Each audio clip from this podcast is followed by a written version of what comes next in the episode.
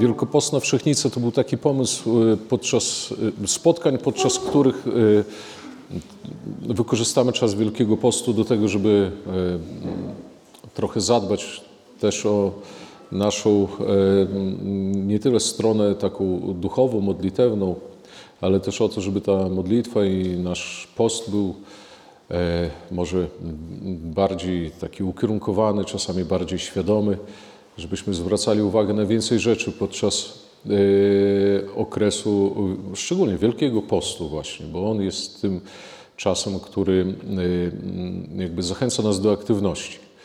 Ale jak wiecie, aktywność można w różny sposób e, wykonywać. Są na przykład tacy ludzie, którzy przelewają z pustego w próżne. To też jest aktywność. Tylko co ona nam daje, tak? Najważniejsze jest, żeby ta aktywność do czegoś prowadziła. Więc yy, yy, wzorem lat ubiegłych yy, powinniśmy zadać sobie pytanie, y, co jest nam potrzebne, co jest nam przydatne w okresie Wielkiego Postu. Cerkiew nam mówi, co jest nieprzydatne przed postem, czyli z czego powinniśmy zrezygnować. No i my o tym wiemy, staramy się to wypełnić w okresie Wielkiego Postu, czyli rezygnujemy z jakichś rozrywek, z jakichś zmarnotrawienia czasu, z naszych y, może niekoniecznie dobrych przyzwyczajeń, z, z zaangażowania w różne rzeczy, w posiłki, w inne sprawy. E, I dzięki temu, y, co robimy? Wygospodarowujemy sobie pewien czas. Jeżeli ktoś uczciwie podejdzie do postu, e, to po paru dniach dochodzi do wniosku, że ma strasznie dużo wolnego czasu, no bo telewizor nie, komputer nie, w kuchni nie. Tak? I ten dzień się dłuży. A jak są dni surowego postu, czy na przykład ktoś stara się do tej godziny wieczornej zachować y, wstrzemięźliwość, żeby przystąpić na przykład do Eucharystii, o, to wtedy jeszcze bardziej się dzień wydłuża. Tak? Co to nam pokazuje? To, ile my na co dzień czasu marnujemy po prostu. Jak bardzo, tak jak małe dzieci, które się bawią, one nie widzą, ile czasu zmarnowały i jak bardzo się w to zaangażowały. Tak samo i my nie widzimy, ile, ile, ile czasu tracimy. Więc e, post jest też przede wszystkim po to, żeby nam pokazać, że e, możemy coś zagospodarować. I teraz pytanie, na co to wykorzystać? I patrząc na ubiegłe lata,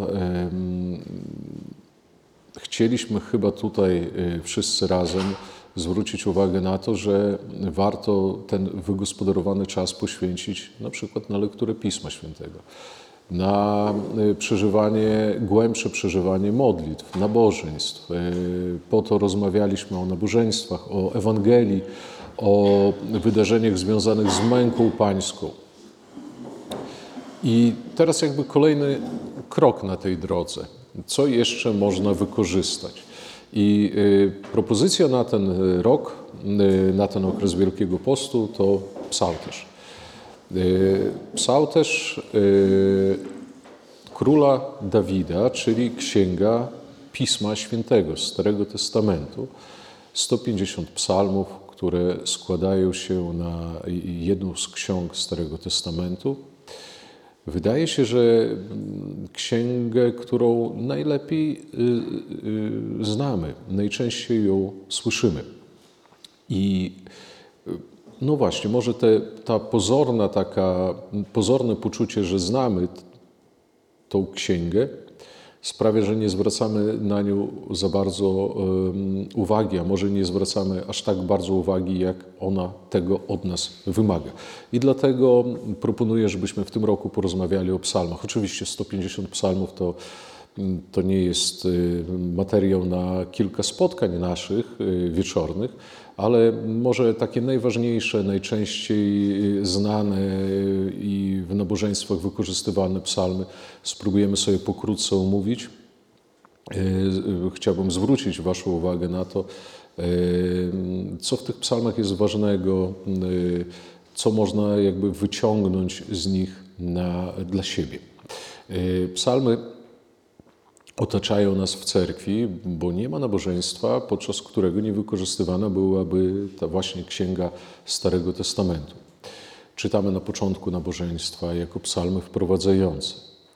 e, śpiewamy je jako antyfony, śpiewamy je jako hymny nawet, często nie zdajemy sobie sprawy, że fragmenty psalmów, poszczególne wersety stają się na, na przykład wprowadzeniami do czytań Pisma Świętego Nowego Testamentu. Kiedy dzisiaj podczas liturgii czy podczas innych nabożeństw ktoś rozpoczyna czytanie na przykład listów apostolskich, poprzedza je prokimien, czyli wygłoszony właśnie pojedynczy werset z psalmu wybrany, który treściowo nawiązuje do czytania nowotestamentowego. E, kiedy czytamy e, Ewangelię albo listy apostoła Pawła, czy inne listy apostolskie, dzieje apostolskie, w nich bardzo dużo nawiązań jest również do psalmów. Wręcz poszczególne wersety psalmów są często przywoływane bądź przez samego Zbawiciela naszego Jezusa Chrystusa, bądź przez e, apostołów. E, psalmy e, towarzyszą przy każdym sakramencie. Wersety, które śpiewamy często przed na przykład przystąpieniem do Eucharystii, to są też wersety psalmów. Więc psalmy naprawdę są bardzo aktywnie wykorzystywane w naszej cerkwi. My często mówiliśmy na przykład o tym przy okazji różnych świąt związanych, 12 wielkich świąt związanych ze Zbawicielem, z Jego dziełem zbawienia, że e, zostało to zapowiedziane w proroctwach starotestamentowych. I wtedy, jeżeli ktoś jest bardzo wnikliwy, to szuka tych proroctw w Starym Testamencie, proroka Izajasza, proroka Jeremiasza i, i tak dalej, ale zwróćcie uwagę, że część proroctw została zapisana w psalmach króla Dawida. Więc y, to już powinno nam niejako y, udowodnić, że rola tych psalmów w naszej y, cerkwi nie jest, y, nie jest y, banalna. Jeszcze jeden taki przykład, kiedy w okresie całego roku liturgicznego uczestniczymy w nabożeństwach porannych, wieczornych, to jeżeli policzymy, ile psalmów jest czytanych bądź śpiewanych, to cały psalterz e, w trybie tygodniowym jest, psalmy są wykonywane więcej niż jeden raz. Niektóre pojedynczo, tylko raz w tygodniu, a niektóre kilkukrotnie, tak jak takie najważniejsze psalmy, jak 50 psalm, pomiłuj mnie Boże, e, czy psalm 90, czy 103, który rozpoczyna każde nabożeństwo wieczorne, czy pierwszy e, psalm, o którym zaraz dzisiaj sobie porozmawiamy. Więc Dlatego chciałbym, żebyśmy o tych psalmach głębiej porozmawiali. I jeszcze jedna rzecz. Y, często przychodząc do cerkwi, jesteśmy, można powiedzieć, zasypani treścią. Jeżeli przychodziliście teraz w pierwszym tygodniu Wielkiego Postu na nabożeństwa, to tych, tego materiału, tej treści podczas nabożeństwa było bardzo dużo. Nierzadko ci, którzy są na chórze, czytają, śpiewają, mają dylemat, bo czytają w dosyć takim dynamicznym tempie, e, bo tej treści jest bardzo dużo. Jeżeli były wielkopostne godziny, na przykład nabożeństwo, to tych psalmów tam jest cały szereg, jeden po drugim. Więc jeżeli e, bardzo skrupulatnie skupiać się na każdym wersecie, akcentować go, e, starać się jakby mm, e, robić pauzy po to, żeby przemyśleć te, te, te, te psalmy, to nabożeństwo trwałoby nie, nie, nie, nie godzinę, nie dwie, a trzy i cztery. Więc e, z, z założenia chyba dopuszczamy, że nie zawsze nasza uwaga jest tak samo skoncentrowana. I chyba nawet cerkiew to sobie uświadomiła w pewnym momencie, bo niektóre fragmenty psalmów są powtarzane kilkukrotnie. Jeżeli przyjdziecie na jutrznie i czytane jest sześć psalmów jutrzni, bardzo ważne psalmy, o tym też porozmawiamy, ale na następnych spotkaniach. Sześć psalmów juczni, one mają nas przygotować do niedzielnej liturgii. One mają nas zachęcić do tego, żeby przyjść do Boga i zaufać Mu e, i wejść w obcowanie z Nim. I te sześć psalmów same w sobie to jest dość duży materiał, więc e, cerkiew pewnie założyła, że nie każdy z nas będzie uważał od początku do końca i na koniec tych psalmów powtarza taki wybrany, najważniejszy jeden werset z każdego psalmu. Tak, żebyśmy jeszcze raz to usłyszeli. Tak jak e, zwrócił uwagę Zbawiciel, w Ewangelii, tak tą, tą samą metodę zastosował na przykład przy rozmowie z apostołem Piotrem, tak? Trzykrotnie zadaje pytanie, akcentuje po to, żeby człowiek zwrócił wreszcie na to uwagę. Tak samo i cerkiew, e, dając nam treść psalmów, też na to zwraca uwagę. Więc tyle tytułem wstępu. E, jeszcze kończąc, e, ważne jest czasami to, że ktoś nam zwrócić uwagę na jakiś drobny detal całego dużego psalmu. I o tym całym psalmie możemy dalej nie pamiętać. Ale przynajmniej ten jeden werset będzie dla nas brzmiał e, w naszych uszach znajomo i będziemy się w tym momencie chociaż skupiać i angażować naszą uwagę. I to już jest dużo. E, przytoczę opowieść e, jedną z Petersburga z, sprzed kilku dekad, kiedy to wykładowca liturgiki po e, nabożeństwie e, zwrócił się do zebranych e, seminarzystów, z których już część była wyświęcona, był diakon wśród nich i ten diakon kilka dni wcześniej sprawował nabożeństwo wieczorne. Służył nabożeństwo wieczorne i wykładowca zwrócił mu uwagę, mówiąc, że bardzo pięknie służył, i starał się wszystko wyraźnie czytać i mówić, natomiast mówi, e, zwróć uwagę na to, że e, ty tak smutno czytałeś te różne wersety, tak wszystko w jednej tonacji, w jednym natchnieniu. E, zrozum, co czytasz bo wśród tych wielu wersetów miałeś taki werset, który jest takim wezwaniem, takim wybuchem radości. I jego trzeba zaakcentować i w inny sposób powiedzieć, bo wśród, bo wśród wielu wersetów psalmu jest taki werset Bóg i Pan i objawił się nam, błogosławiony, który idzie w imię Pańskie. Bo Gospodzie jawi się nam, błogosławiony, grady i w imię Gospodnie. I ten werset psalmu zawsze poprzedza podczas nabożeństw e, w naszej cerkwi, zawsze poprzedza troparion święta, e, śpiew radosny e, tego wydarzenia, które akurat tego dnia wspominamy. I zwróćcie uwagę, że troparion święta czy to będzie Boże Narodzenie, czy to będzie Chrzest Pański, czy to będzie święto jakiegoś apostoła, czy jakiegoś ważnego świętego, zawsze jest poprzedzone właśnie tym wersetem. Bóg Gospodź jawi się nam błogosławiony, grady i w imię Gospodnie. I on mówi, Yy, ten wykładowca do diakona mówi, że następnym razem, kiedy będziesz modlił się w cerkwi, kiedy będziesz czytał ten werset, to yy, odnieś ten werset do siebie i powiedz go w następujący sposób. Boch Gospodź jawisia nam. Zrozum, że to dotyczy nas wszystkich. Bóg się nam objawił, tak? I to jest radosny dla nas moment, bo yy, w Starym Testamencie mówi, kiedy Mesjasz jeszcze się nie objawił ludziom, ludzie mieli treść tego psalmu, tylko oni go nie rozumieli. Dla nich Mesjasz się nie objawił. A mówi, a my chrześcijanie, my prawosławni, wierzymy, że Chrystus nam się objawił, więc dlaczego mamy to ukrywać? Mówmy o tym głośno, bo Gospodź jawi się nam. I zwróćcie uwagę, że podczas nabożeństwa wieczornego faktycznie ten moment jest takim radosnym. Chór zaczyna głośno śpiewać, tak? Jest to takie, taki uroczysty moment, mimo że nabożeństwo nie jest, nie jest jakieś takie bardzo, bardzo radosne. Więc Y, niech takie pojedyncze nawet wersety psalmu zapadną nam w głowę, to już to będzie duży pożytek, który płynie z naszych spotkań. I co? Zaczynamy od y, psalmów, które najczęściej słyszymy.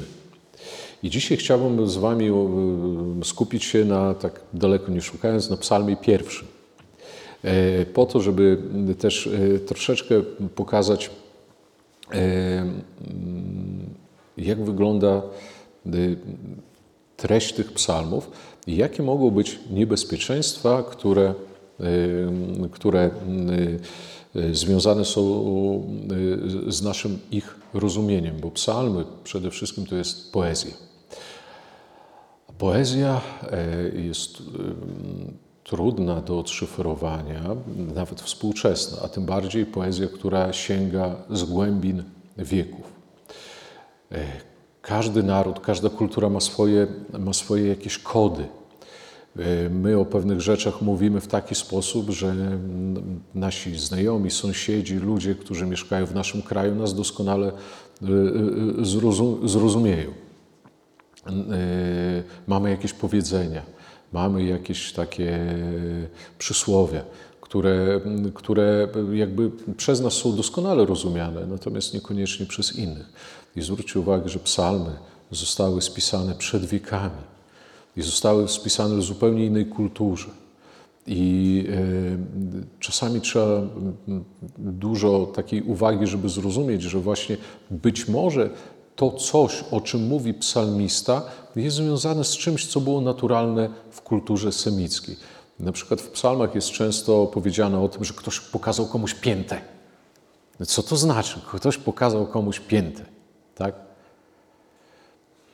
No, my tak nie mówimy w, naszej, w naszym języku, ale jeżeli dojdziemy właśnie do tej etymologii, dojdziemy, dojdziemy do wniosku, że jest to pewna, e, pewne pokazanie takiego lekceważenia, że to jest pokazanie e, tego, że ktoś kogoś się nie boi, tak? pokazał mu piętę, tak? wystawił coś, co jest jakimś takim organem bardzo wrażliwym na, na, na, na, na zranienie i skoro tak, to znaczy, że nie boję się przeciwnika.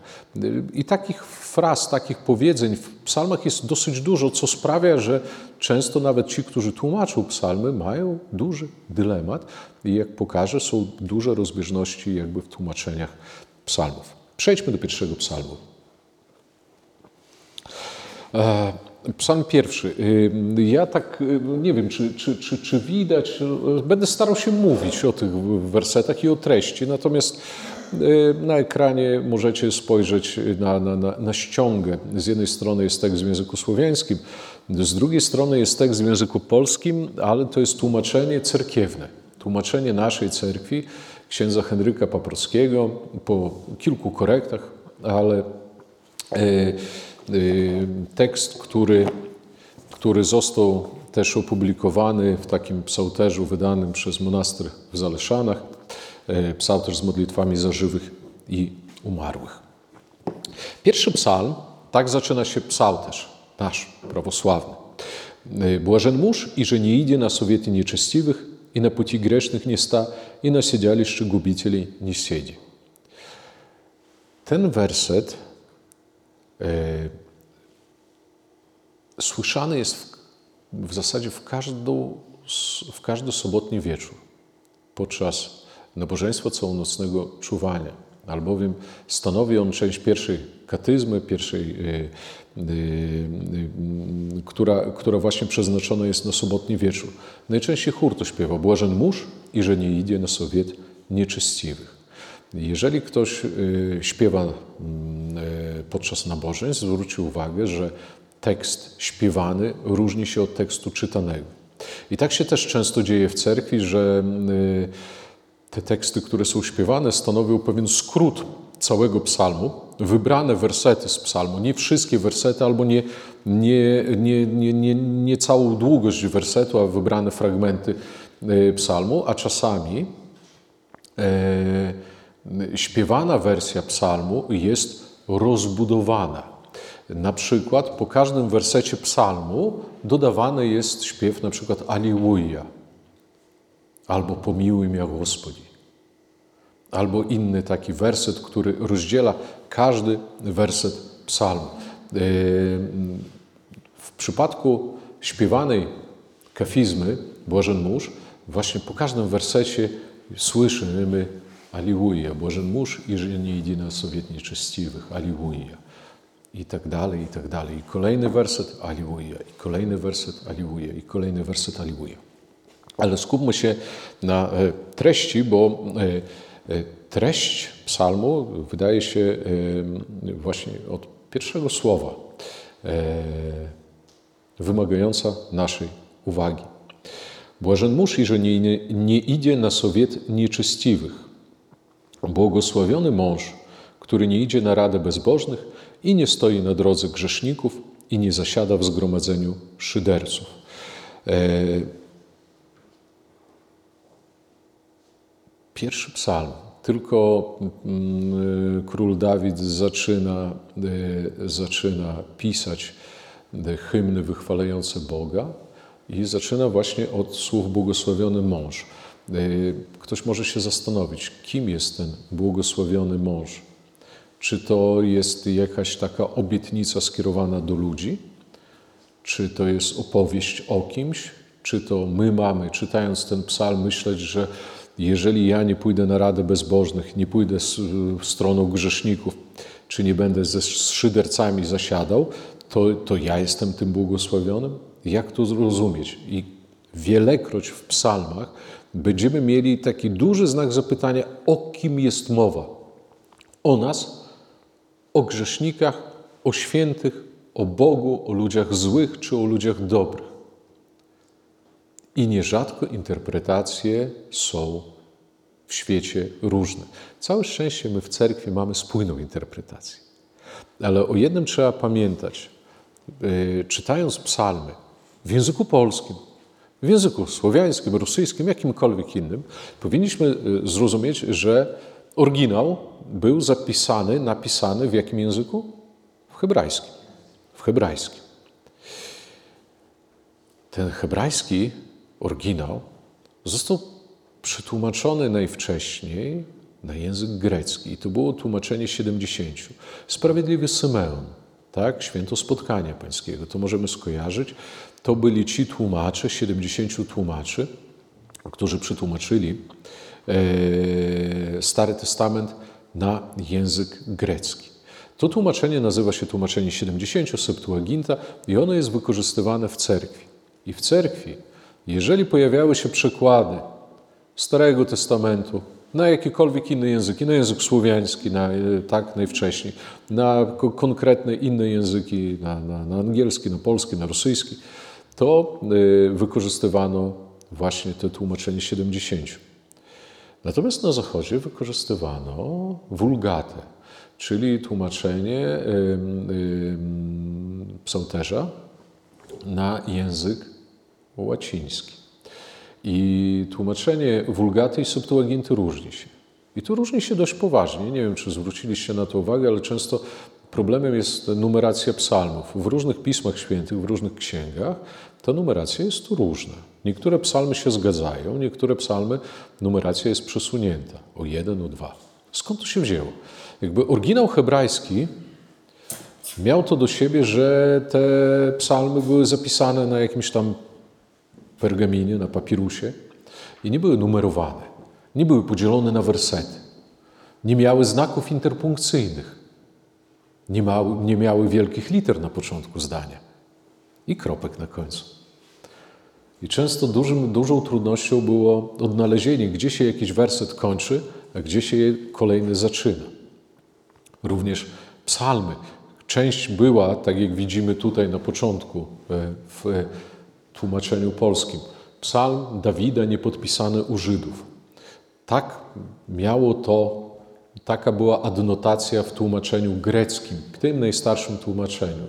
E, czyli w księdze był po kolei psalm Dawida, e, który, jeżeli przyjrzymy cały psalm, też możemy znaleźć różne takie określenia. Na przykład e, pierwszy z brzegu, psalm 60 na koniec w pieśniach Dawidowych psalm. Psalm 60 to nasz dodatek, nasza numeracja. My go uporządkowaliśmy po kolei, licząc kolejne psalmy. Tak? Natomiast jeżeli, y, jeżeli sięgano, y, sięgano do psalterza, to tam widziano tylko takie nagłówki. Kolejny psalm Dawida na to i na to. Kolejny psalm na melodię taką i taką. Psalm Dawida, y, który wyszedł z niewoli, czy w ten sposób. I tłumacze wulgaty i tłumacze Septuaginty no, w inny sposób odnajdywali te nagłówki i tu się pojawiła pierwsza różnica. I trzeba pamiętać o tym, że my w naszej cerkwi korzystamy z tłumaczenia 70, z greckiego przykładu. I to y, sprawia, że y, nie tylko mamy inną numerację psalmów, ale też te tłumaczenia już od tych pierwszych wieków różniły się treściowo. Ja za chwilę pokażę Wam jeden przykład tego, jak daleko sięgały, mogą sięgać te różnice. I w zależności od tego, kto dalej wykorzystuje te psalmy, kto o nich dalej pisze, czy mówi, czy buduje na, na ich treści, na przykład hymny współczesnym świętym, tak, na zachodzie czy na wschodzie, to rozbieżności mogą iść dalej i dalej i dalej. Tak? E, tutaj jest pierwsze słowo, które e, e, skupia. Błażen mórz. Błażen mórz. W języku słowiańskim błażeni. W języku greckim, w tłumaczeniu 70, to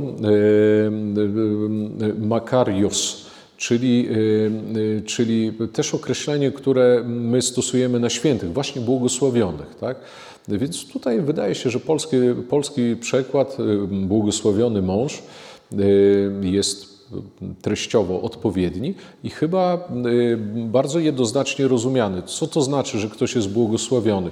To, że Bóg przypatruje się dla takiej osoby, z życzliwością. To, że życzy mu dobrze, to, że pochwala to, co robi ten człowiek. Tak? Taki człowiek jest błogosławiony. Słyszeliśmy o tym w Starym Testamencie, że Abraham był błogosławiony przez Boga, tak? że upodobał sobie Pan Bóg Abrahama na przykład, czy innych sprawiedliwych. A jak jest w innych przykładach? I tutaj mamy ten sam werset. Pierwszy werset psalmu y, w po lewej stronie jest, są przykłady y, różnych polskich tłumaczeń Pisma Świętego. Od najstarszych, od góry, do bardziej współczesnych na dole.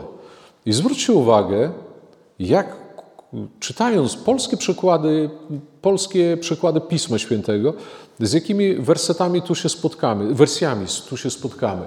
Psał też Floriański, najstarszy, błogosławiony mąż, Psał też Puławski, błogosławiony mąż, Biblia Wójka, błogosławiony mąż, Biblia Gdańska z XIX wieku, błogosławiony mąż, Biblia Gdańska uwspółcześniona, błogosławiony człowiek.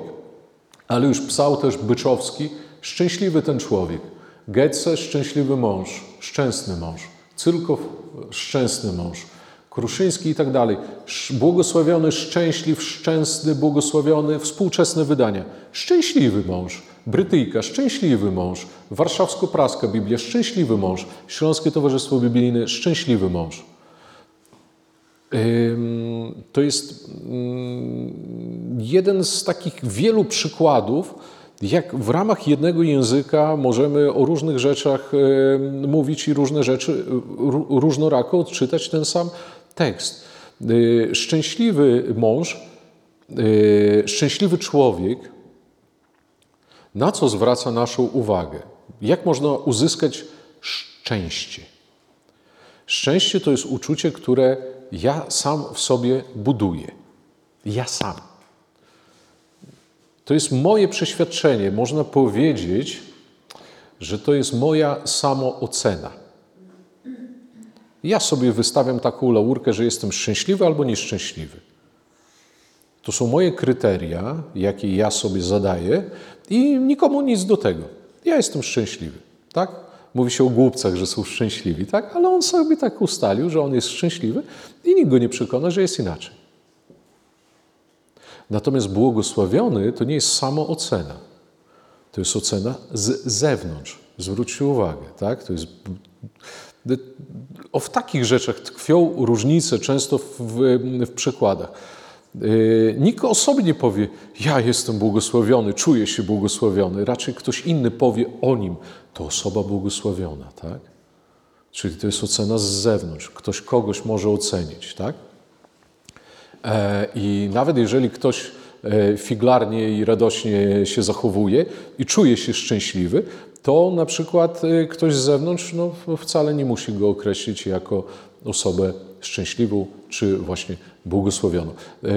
Subtelna różnica, ale to też pokazuje i w wielu przypadkach będziemy mogli tak sobie porozmawiać, że greckie, słowiańskie terminy, a nawet hebrajskie, które były w Piśmie Świętym, są lepiej przetłumaczone właśnie w naszej prawosławnej w naszym prawosławnym psałterzu w języku polskim, czyli jeżeli już mamy czytać psałterz, chcemy poczytać ten psałterz w języku polskim, to lepiej korzystać właśnie z wydania, które, które, które my mamy.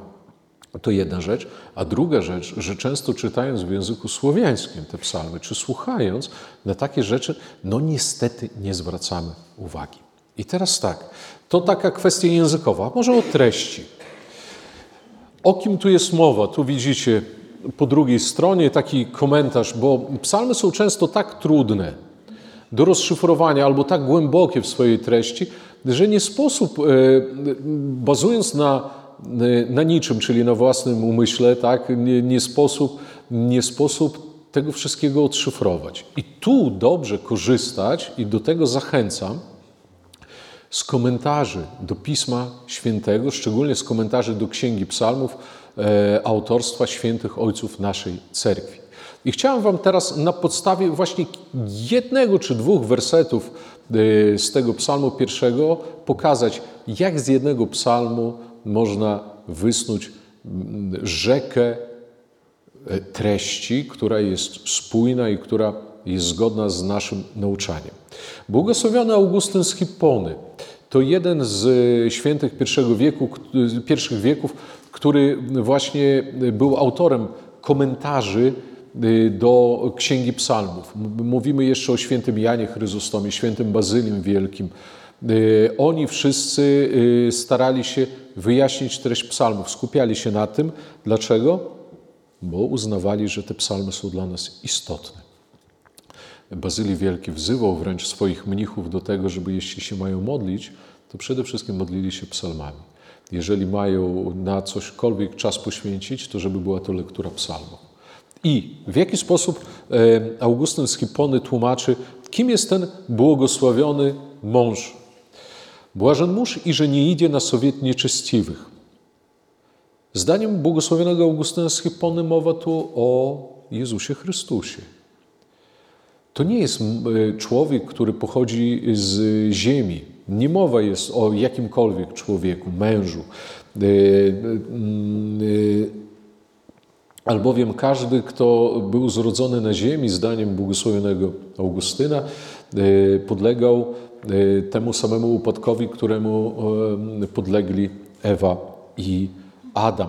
I poprzez to, że każdy z nas jako ludzi rodzi się z pokolenia Adama i Ewy, no właśnie e, w ten sposób podlegamy konsekwencjom grzechu, grzechu prarodziców. A tu psalm mówi, błogosławiony człowiek, który temu nie podlega. Zwróćcie uwagę. Błogosławiony mąż i że nie idzie na sobie nieczestiwych i na płci grzesznych nie sta, który nie stoi na tej grzesznej drodze. Nie stoi teraz nie stoi. W jaki sposób? No nie podlega grzechowi. I taki to jest błogosławiony mąż. A więc tak na dobrą sprawę, błogosławiony Augustyn mówi, że ten pierwszy werset zaczyna się od wychwalenia Boga i tak naprawdę od wskazania, że ten jedyny błogosławiony to jest, to jest ten nasz Mesjasz, który się objawi, czyli Syn e, Boży. I na siedalisze paguby nie siedzi. E, e, który nie, y, nie zechciał y, usiąść na tronie ziemskim, y, nie miał uczucia pychy i poczucia władzy. To też jakby z tego wersetu wypływa. I, i jednoznacznie jakby mm, błogosławiony Augustyn wskazuje, że mowa tu jest o Chrystusie. Atanazy Wielki na ten sam werset, co mówi. Dawid rozpoczyna psalm zdaniem świętego Atanazego Wielkiego o proroctwem o Chrystusie, który y, y, jest y, przez Niego wywyższany. A błogosławionymi nazywa tych, którzy nie chodzili właśnie za radą bezbożnych, nie stali na drodze grzesznych i na tym tronie nie siedzieli. E, święty e, Bazylii Wielki, widzicie Tutaj jest cała rozbudowana, rozbudowany fragment, kiedy święty Bazylii Wielki e, tłumaczy pierwszy werset psalmu. Bardzo głęboko i skrupulatnie on zwraca uwagę w tym wersecie na to, że wszystkie te słowa, ja może cofnę do polskiego przykładu, żebyśmy mieli przed oczami. Błogosławiony mąż, który nie idzie na radę bezbożnych, nie stoi i nie zasiada. Są takie y, stwierdzenia: nie idzie, nie stoi i nie zasiada. I święty Bazylii Wielki zwraca uwagę na to, że słowa te y, są w czasie teraźniejszym. To znaczy, że pokazuje, że ten, ten o kim mowa w tym wersecie, jakby nigdy, nawet przez chwilę, nie podlega tym wszystkim złym cechom. Tak? Jest cały czas e, jest cały czas ponad tymi złymi rzeczami, tak? ponad tymi, można powiedzieć, pokusami. Tak? I cały czas jest to w trybie teraźniejszym. Błogosławiony mąż, on nie idzie, nie zasiada, nie to, że nie szedł, czy nie pójdzie, tak, czy, czy czasem tego nie robi, zawsze nie idzie, nie stoi, nie zasiada. Tak? Na to zwraca uwagę święty Bazylii Wielki, jakby to podkreśla. I teraz, żeby pokazać jeszcze coś, y, to tutaj po lewej stronie mamy fragment tłumaczenia y, Księgi Psalmów. Piękne, poetyckie tłumaczenie Czesława Miłosza. Rewelacyjne, bardzo piękne językowo. Tylko zwróćcie uwagę na ten pierwszy werset i na to, co wcześniej było powiedziane. Szczęśliwy, kto nie chodził za radą bezbożnych i na drodze grzeszników nie postał i w gromadzie naśmiewców nie siedział. O kim tu mowa? I tu już nie jesteśmy tacy pewni. Ani to nie mowa o człowieku, ani mężu, e, ani niebłogosławiony, a szczęśliwy.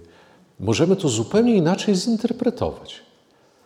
I mówię, powiedziane, szczęśliwy, kto nie chodził, czas przeszły, i na drodze grzeszników nie postał, czas przeszły, taki krótko, krótkotrwały, postał trochę, tak jak na przystanku, tak? I w gromadzie naśmiewców nie siedział, też czas przeszły. A święty Bazylii Wielki cały, cały akapit wyjaśniał, że istotne jest to, że mowa jest tutaj w właśnie w takim czasie teraźniejszym, o tym, że ten mm, Syn Boży, ten Mesjasz, ten, ten Bóg jest tym, który nigdy tego nie robi. Tak? Jest ponad tym wszystkim.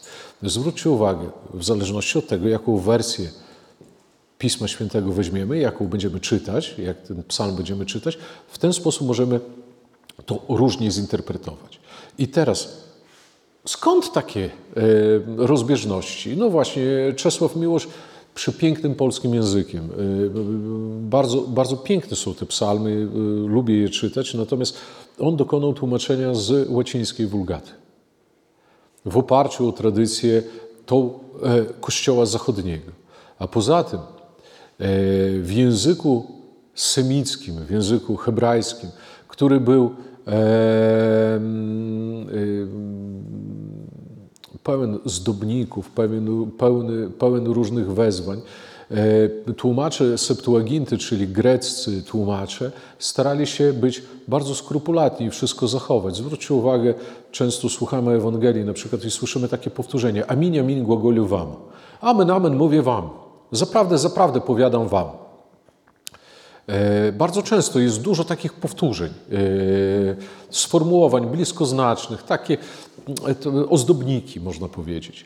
I niektórzy, którzy starają się uwspółcześniać przekład, sprawić, żeby on był bardziej zrozumiały, upraszczają to. I jeżeli widzimy nawet tłumaczenie, dwa polskie tłumaczenia cerkiewne po prawej stronie i Miłosza po lewej stronie, widzimy, że te Miłosza jest krótsze chciał uprościć, chciał, żeby to było bardziej przejrzyste.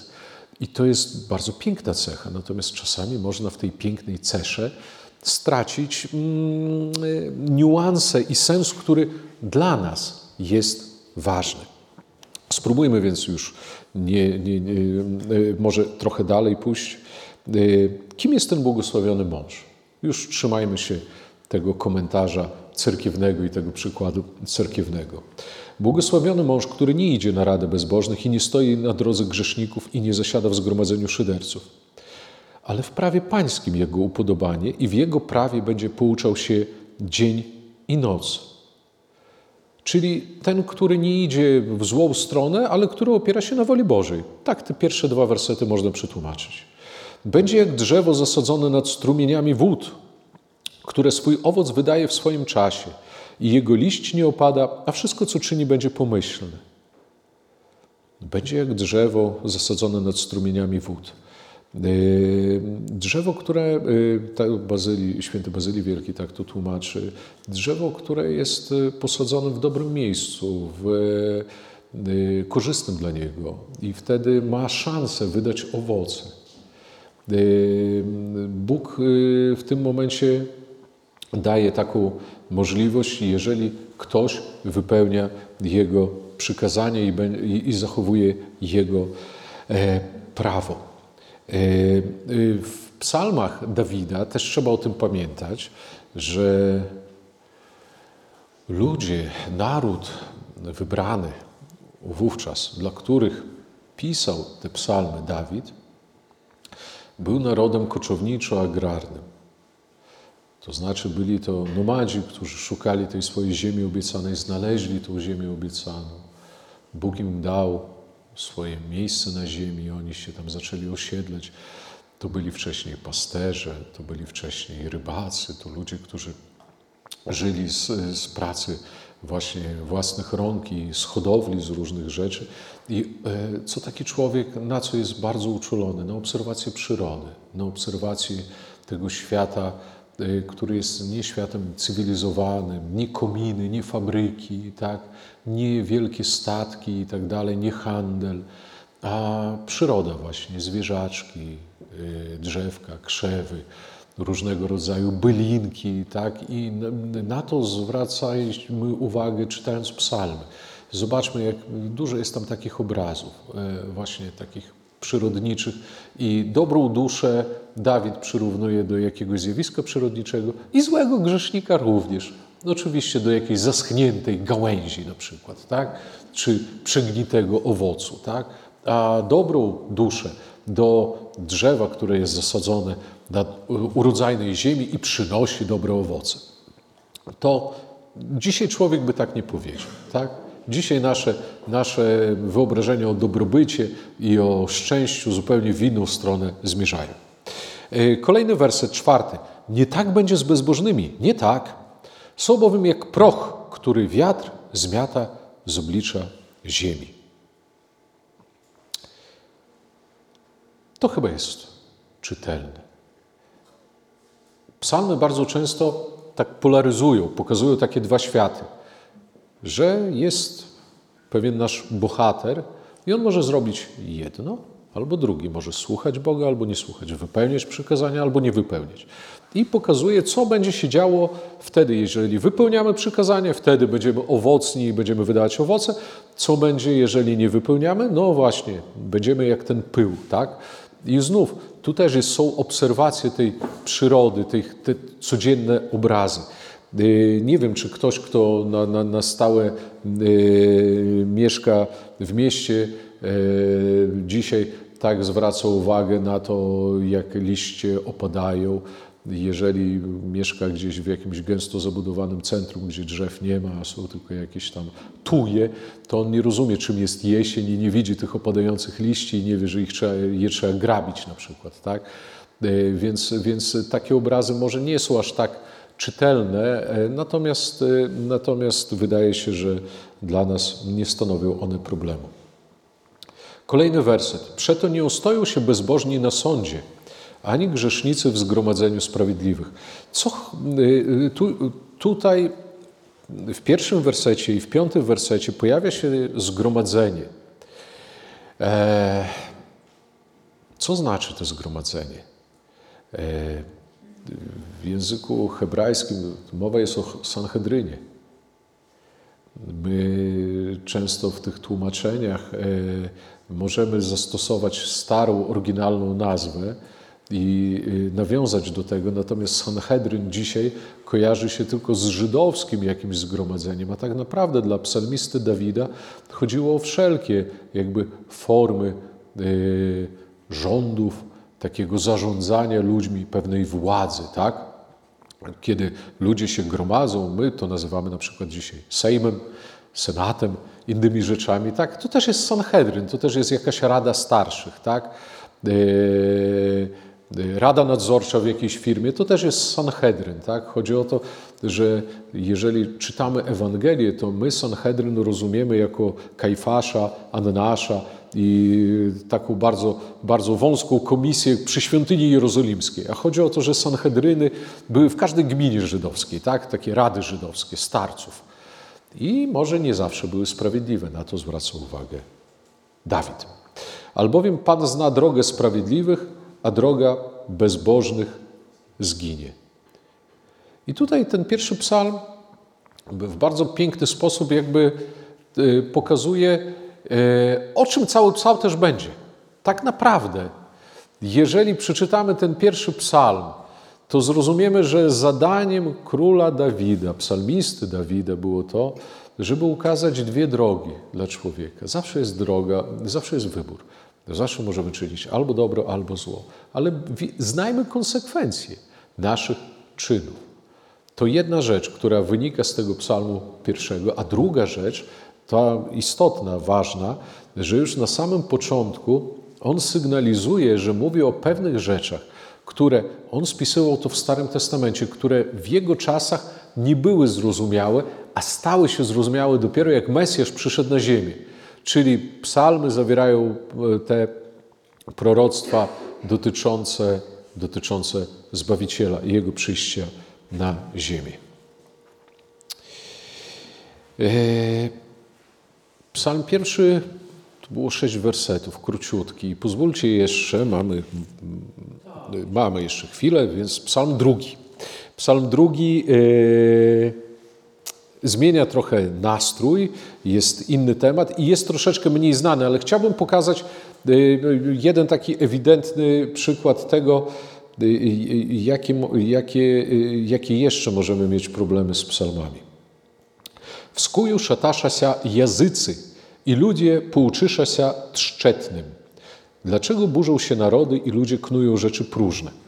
Aha, no i właśnie, może tak, teraz powinienem tak zasłonić łapką e, te polskie tłumaczenie i spytać się, czy będziecie w stanie następne cztery wersety przetłumaczyć. Predstasza cari ziemści i kniazi sobrasza się w kupie na Gospoda i na Chrysta Jego. Rastorgniem uzy ich i utwierdzem od nas Igo ich. Poszczególne słowa wydają się czasami zrozumiałe. Kniazi, wiadomo, książęta, e, w kupie na Gospoda, tam zebrali się na Pana i na Chrystusa, ale yy, trzeci werset jest w tym momencie nieczytelny. Nie wiadomo o kim mowa, trudne jest to do, do, do, do tłumaczenia, do zrozumienia w języku słowiańskim. Co więcej, jeżeli odsłonimy polski przekład i zaczniemy czytać po polsku, to też wcale nie jest łatwiej. I to jest też trudność właśnie odczytywania psalmów, że trzeba czasami jednak troszeczkę e, uwagi e, poświęcić. Powstali królowie ziemi, to drugi werset, i książęta zeszli się razem przeciwko Panu i Jego pomazańcowi. Kiedy ten werset jest przez nas słyszany? Wielki Czwartek, jest to prokimian Wielkiego Czwartku podczas dwunastu Ewangelii. To właśnie o czym wcześniej mówiłem, że fragmenty psalmów są wykorzystywane w tekstach, w nabożeństwach liturgicznych. I dlaczego ten fragment? Bo to jest proroctwo właśnie o zdradzie Jezusa i o Jego aresztowaniu, i Jego prześladowaniu, i Jego ukrzyżowaniu. Tak? Zwróćcie uwagę. Powstali królowie ziemi i książęta zeszli się razem przeciwko Panu i Jego pomazańcowi. W języku słowiańskim mamy tam słowo Chrysta Jego, ale słowo Chrystos w języku słowiańskim. W Starym Testamencie e, oznaczało różnych pomazańców. Było to słowo Chrystus, to znaczy ktoś, ktoś kto jest pomazańcem. Natomiast y, już w Nowym Testamencie, w tekstach nowotestamentowych, my to bardzo utożsamiamy w zasadzie tylko i wyłącznie ze Zbawicielem Jezusem. Dlatego tak mówimy o Nim jako o Chrystusie. I tutaj tłumacze, y, którzy starali się przełożyć Pismo Święte na, na różne języki, mieli ten dylemat. Czy słowa, które pojawiały się gdzieś tam w Starym Testamencie, y, tłumaczyć tak, jak je rozumiemy współcześnie, czy tak, jak były rozumiane dawno, dawno temu? Jeżeli mamy słowo chram, chram Boży, dzisiaj byśmy przetłumaczyli to z języka słowiańskiego na polski cerkiew. Tak? Świątynia, cerkiew, świątynia. Natomiast y, w Starym Testamencie nie było cerkwi, nie było kościoła. Tak? Jeżeli można było mówić o jakimś takim słowie, to była to świątynia. Tak? Dom modlitwy, tak? zgromadzenie. I tak właśnie y, często często y, tłumacze y, mieli, mieli z, tym, z tym problem. I to też trzeba zrozumieć, że sięgamy do naprawdę starych tekstów. I tutaj padają słowa Chrysta Jego i nam się wydaje, że tu jest o, bardzo ewidentnie mowa o Chrystusie. Tak, ale y, y, słowo Chrystus, pomazaniec w Starym Testamencie było często wykorzystywane. Często. A przypomnijmy sobie, że ten, który się narodził w Betlejem, który pochodził z Nazaretu, który był synem cieśli, który był synem Marii, który pochodził z rodu Dawida, nazywał się jak? Nie Jezus, imię, nazwisko Chrystus, tylko Jezus z Nazaretu, albo Jezus z Galilei, tak? Różnie go nazywali. E, Jezus, syn Józefa. To słowo Chrystus to nasze dookreślenie Zbawiciela. To nasze dookreślenie, które dla nas stało się takie nierozerwalne, prawda? Nawet na ikonach piszemy Jezus Chrystus, ale imię Bogu człowieka, imię naszego Zbawiciela to Jezus.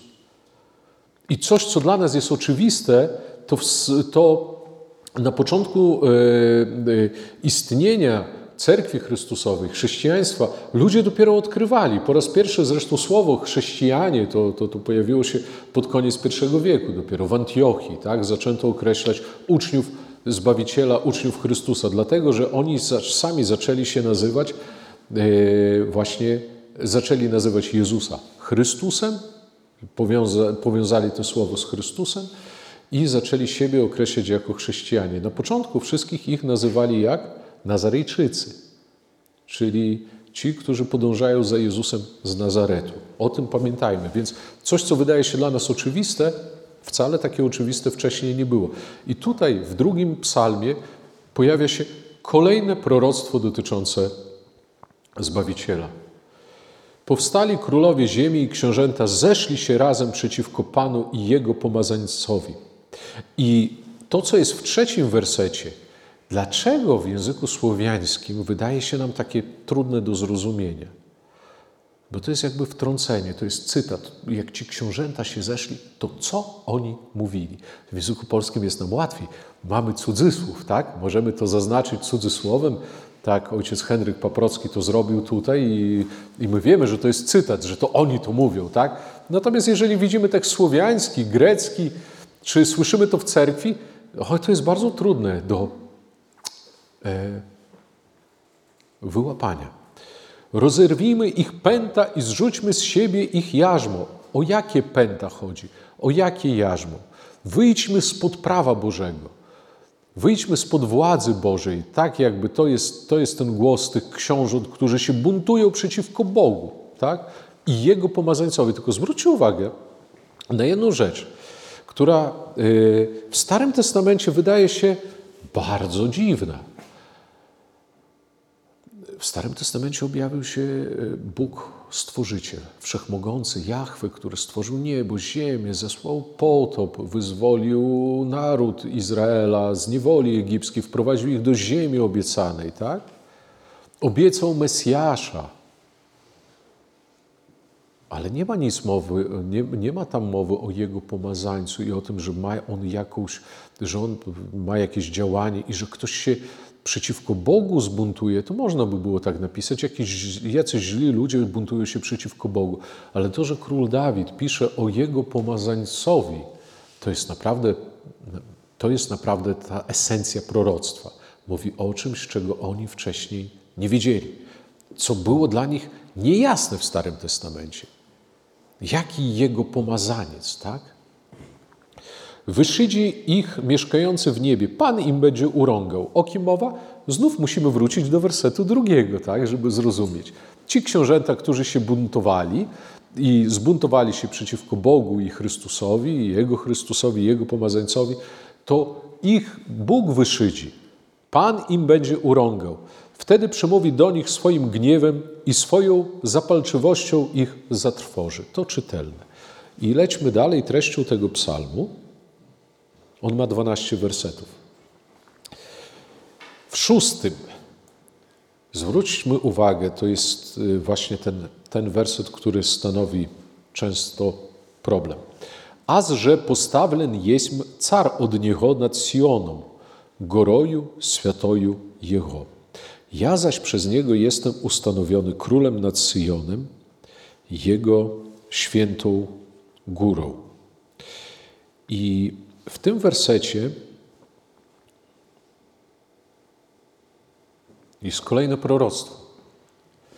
Tylko proroctwo, które uwidoczniło się w tłumaczeniu 70, właśnie w tym greckim tłumaczeniu. Mam tu ze sobą ściągę, która pokazuje wersję łacińską i w niej te słowa brzmią w następujący sposób. Ja namaściłem króla mojego i postawiłem go nad Syjonem. Ja namaściłem. Natomiast y, tłumaczenie 70 mówią, ja zaś przez niego jestem ustanowiony. Z jednej strony ja namaściłem, tak wersja łacińska mówi, a ja namaściłem, a wersja grecka ja zostałem przez Niego namaszczony. To jest duża różnica.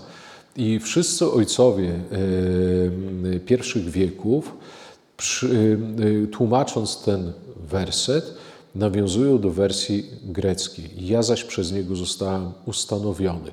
I ten werset pokazują, ten szósty werset drugiego psalmu, jako werset, w którym, który znów powinien być opatrzony cudzysłowem jako cytat. Albowiem kto, kim jest ten ja? Czytając to dzisiaj, to e, jako, jako fragment jakiegoś psalmu dojdziemy do wniosku, że to o nas mowa, jeżeli będziemy dobrzy, sprawiedliwi i tak dalej.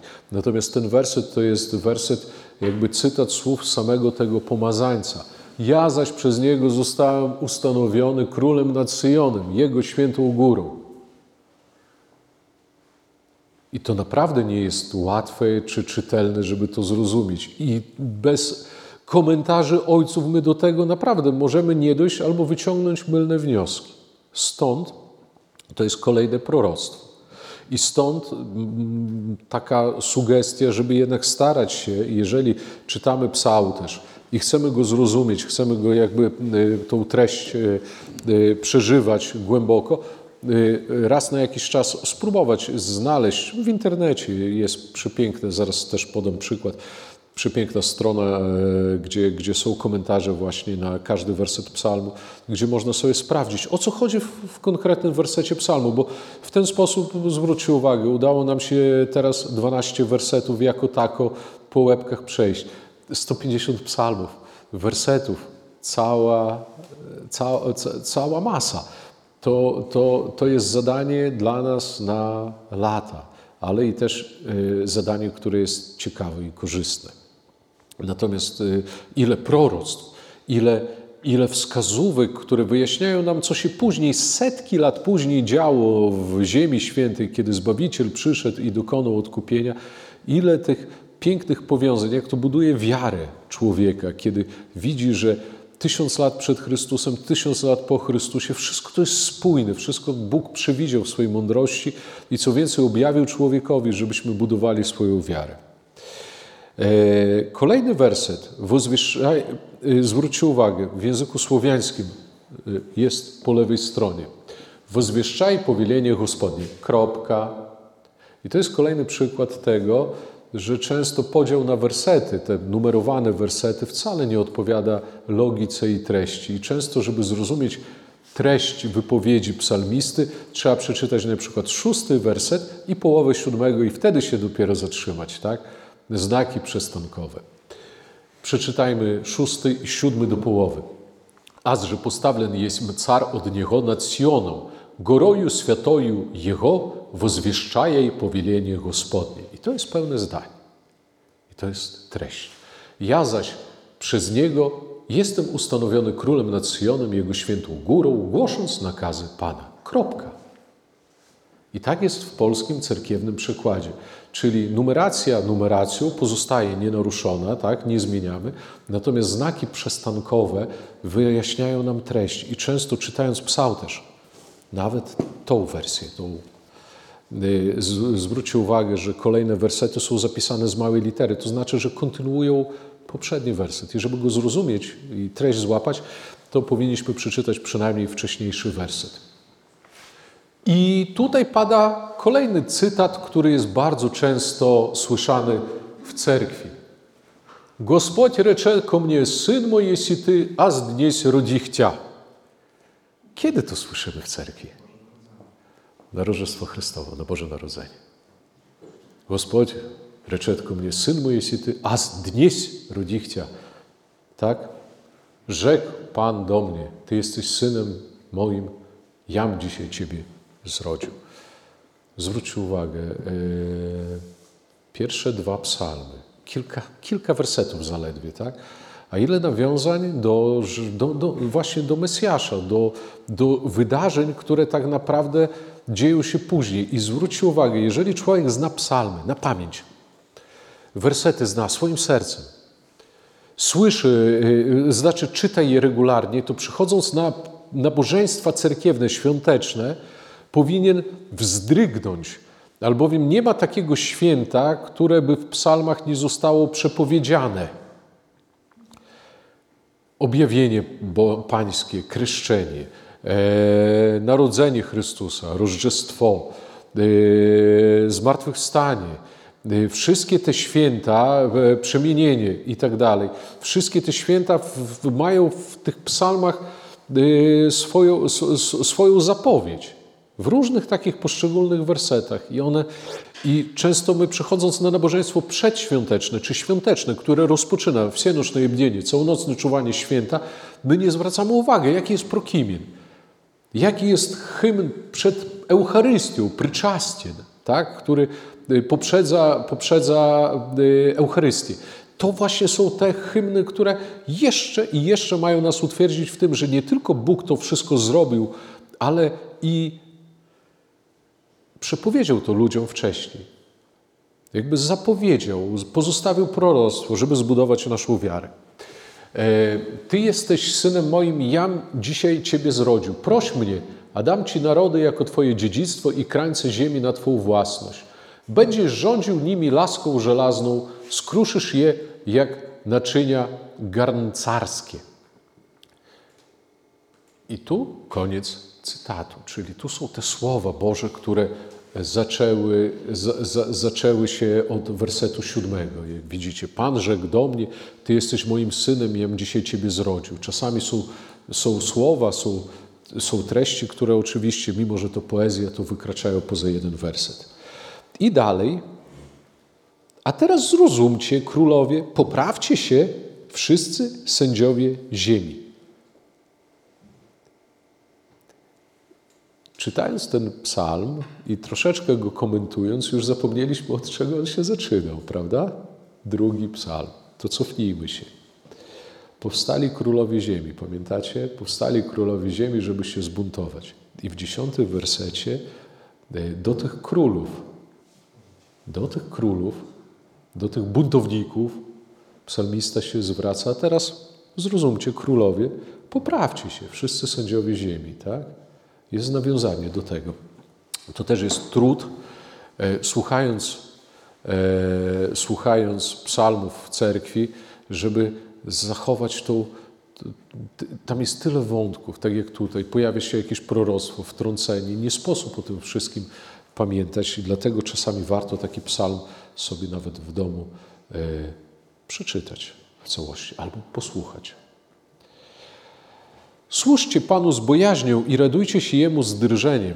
I tu jest coś, co e, e, stanowi taką zapowiedź tego, czym będzie wiara w Boga po przyjściu Mesjasza. W Starym Testamencie, Stary Testament za czasów króla Dawida, króla Salomona był bardzo surowy. Nakazy, zakazy, strach przed Bogiem, potop ześle, plagi ześle, y, nie można wymawiać Jego imienia. Bardzo surowa to religia. I Bóg bardzo odległy i bardzo taki nieznany.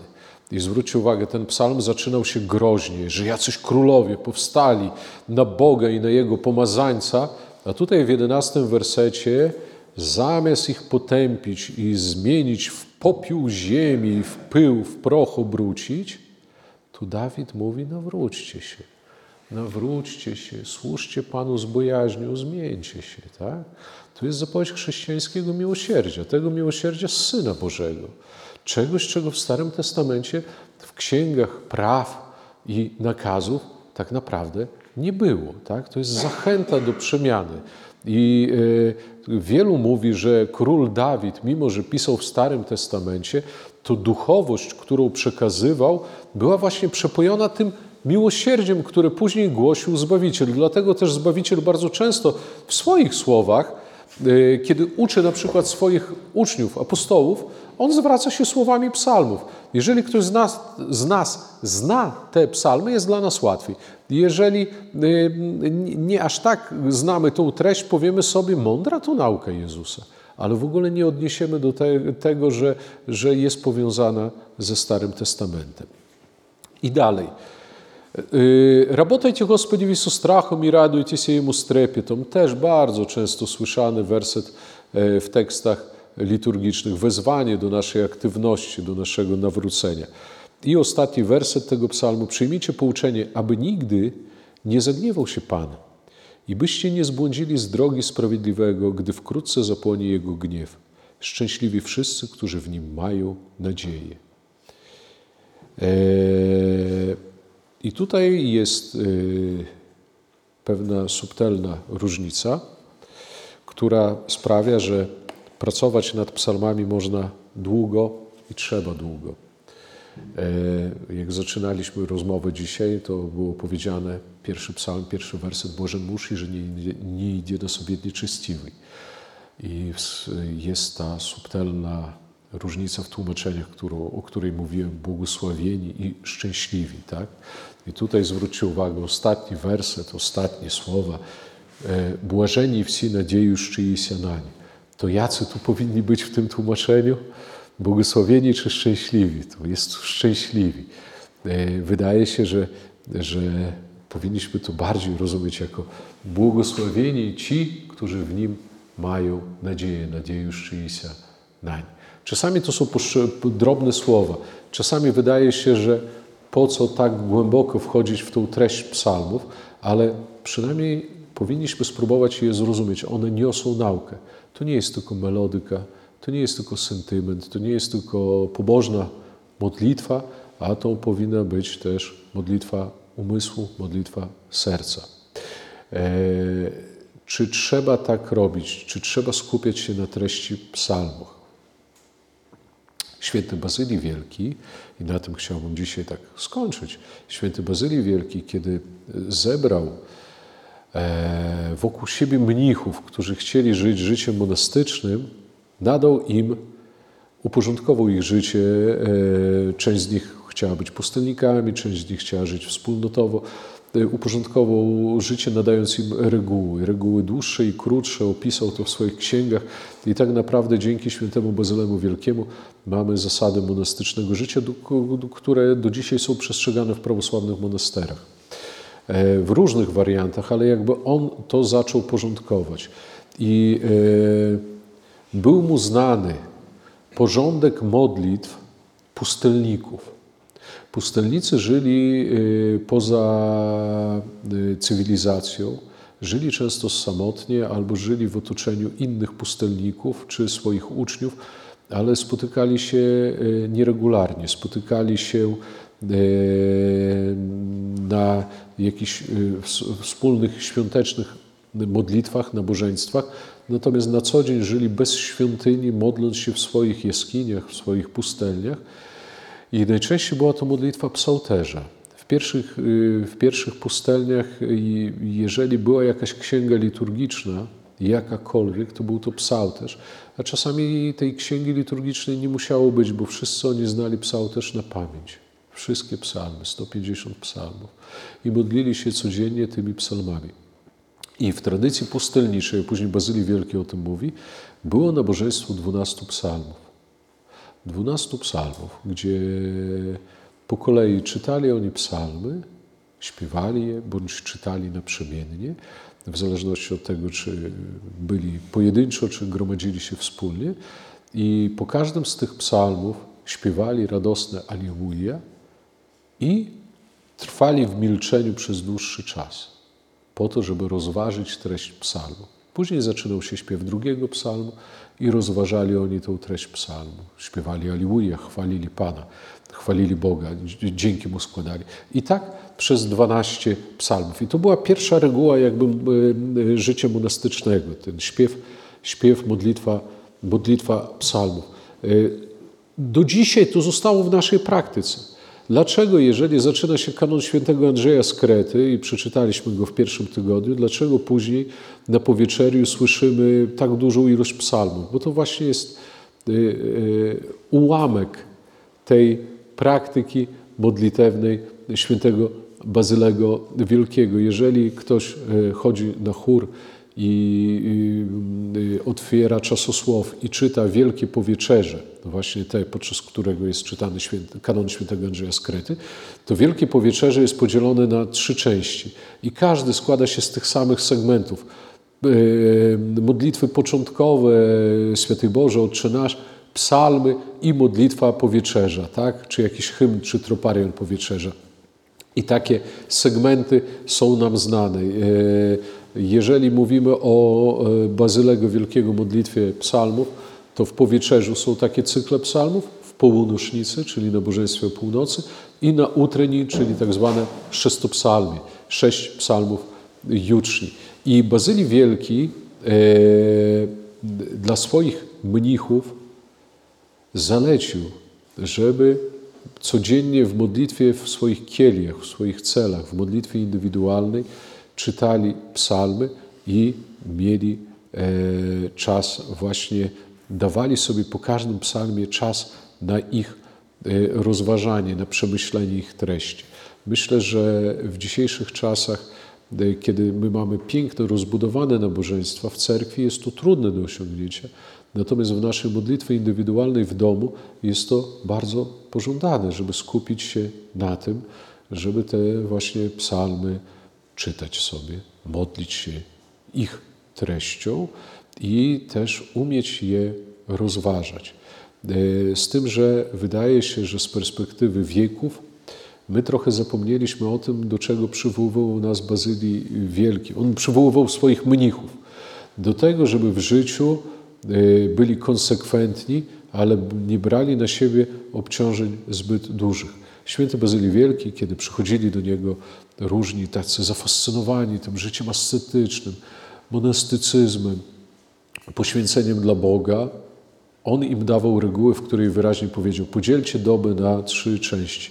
Osiem godzin dla Boga na modlitwę, osiem godzin na e, pracę i osiem godzin na odpoczynek.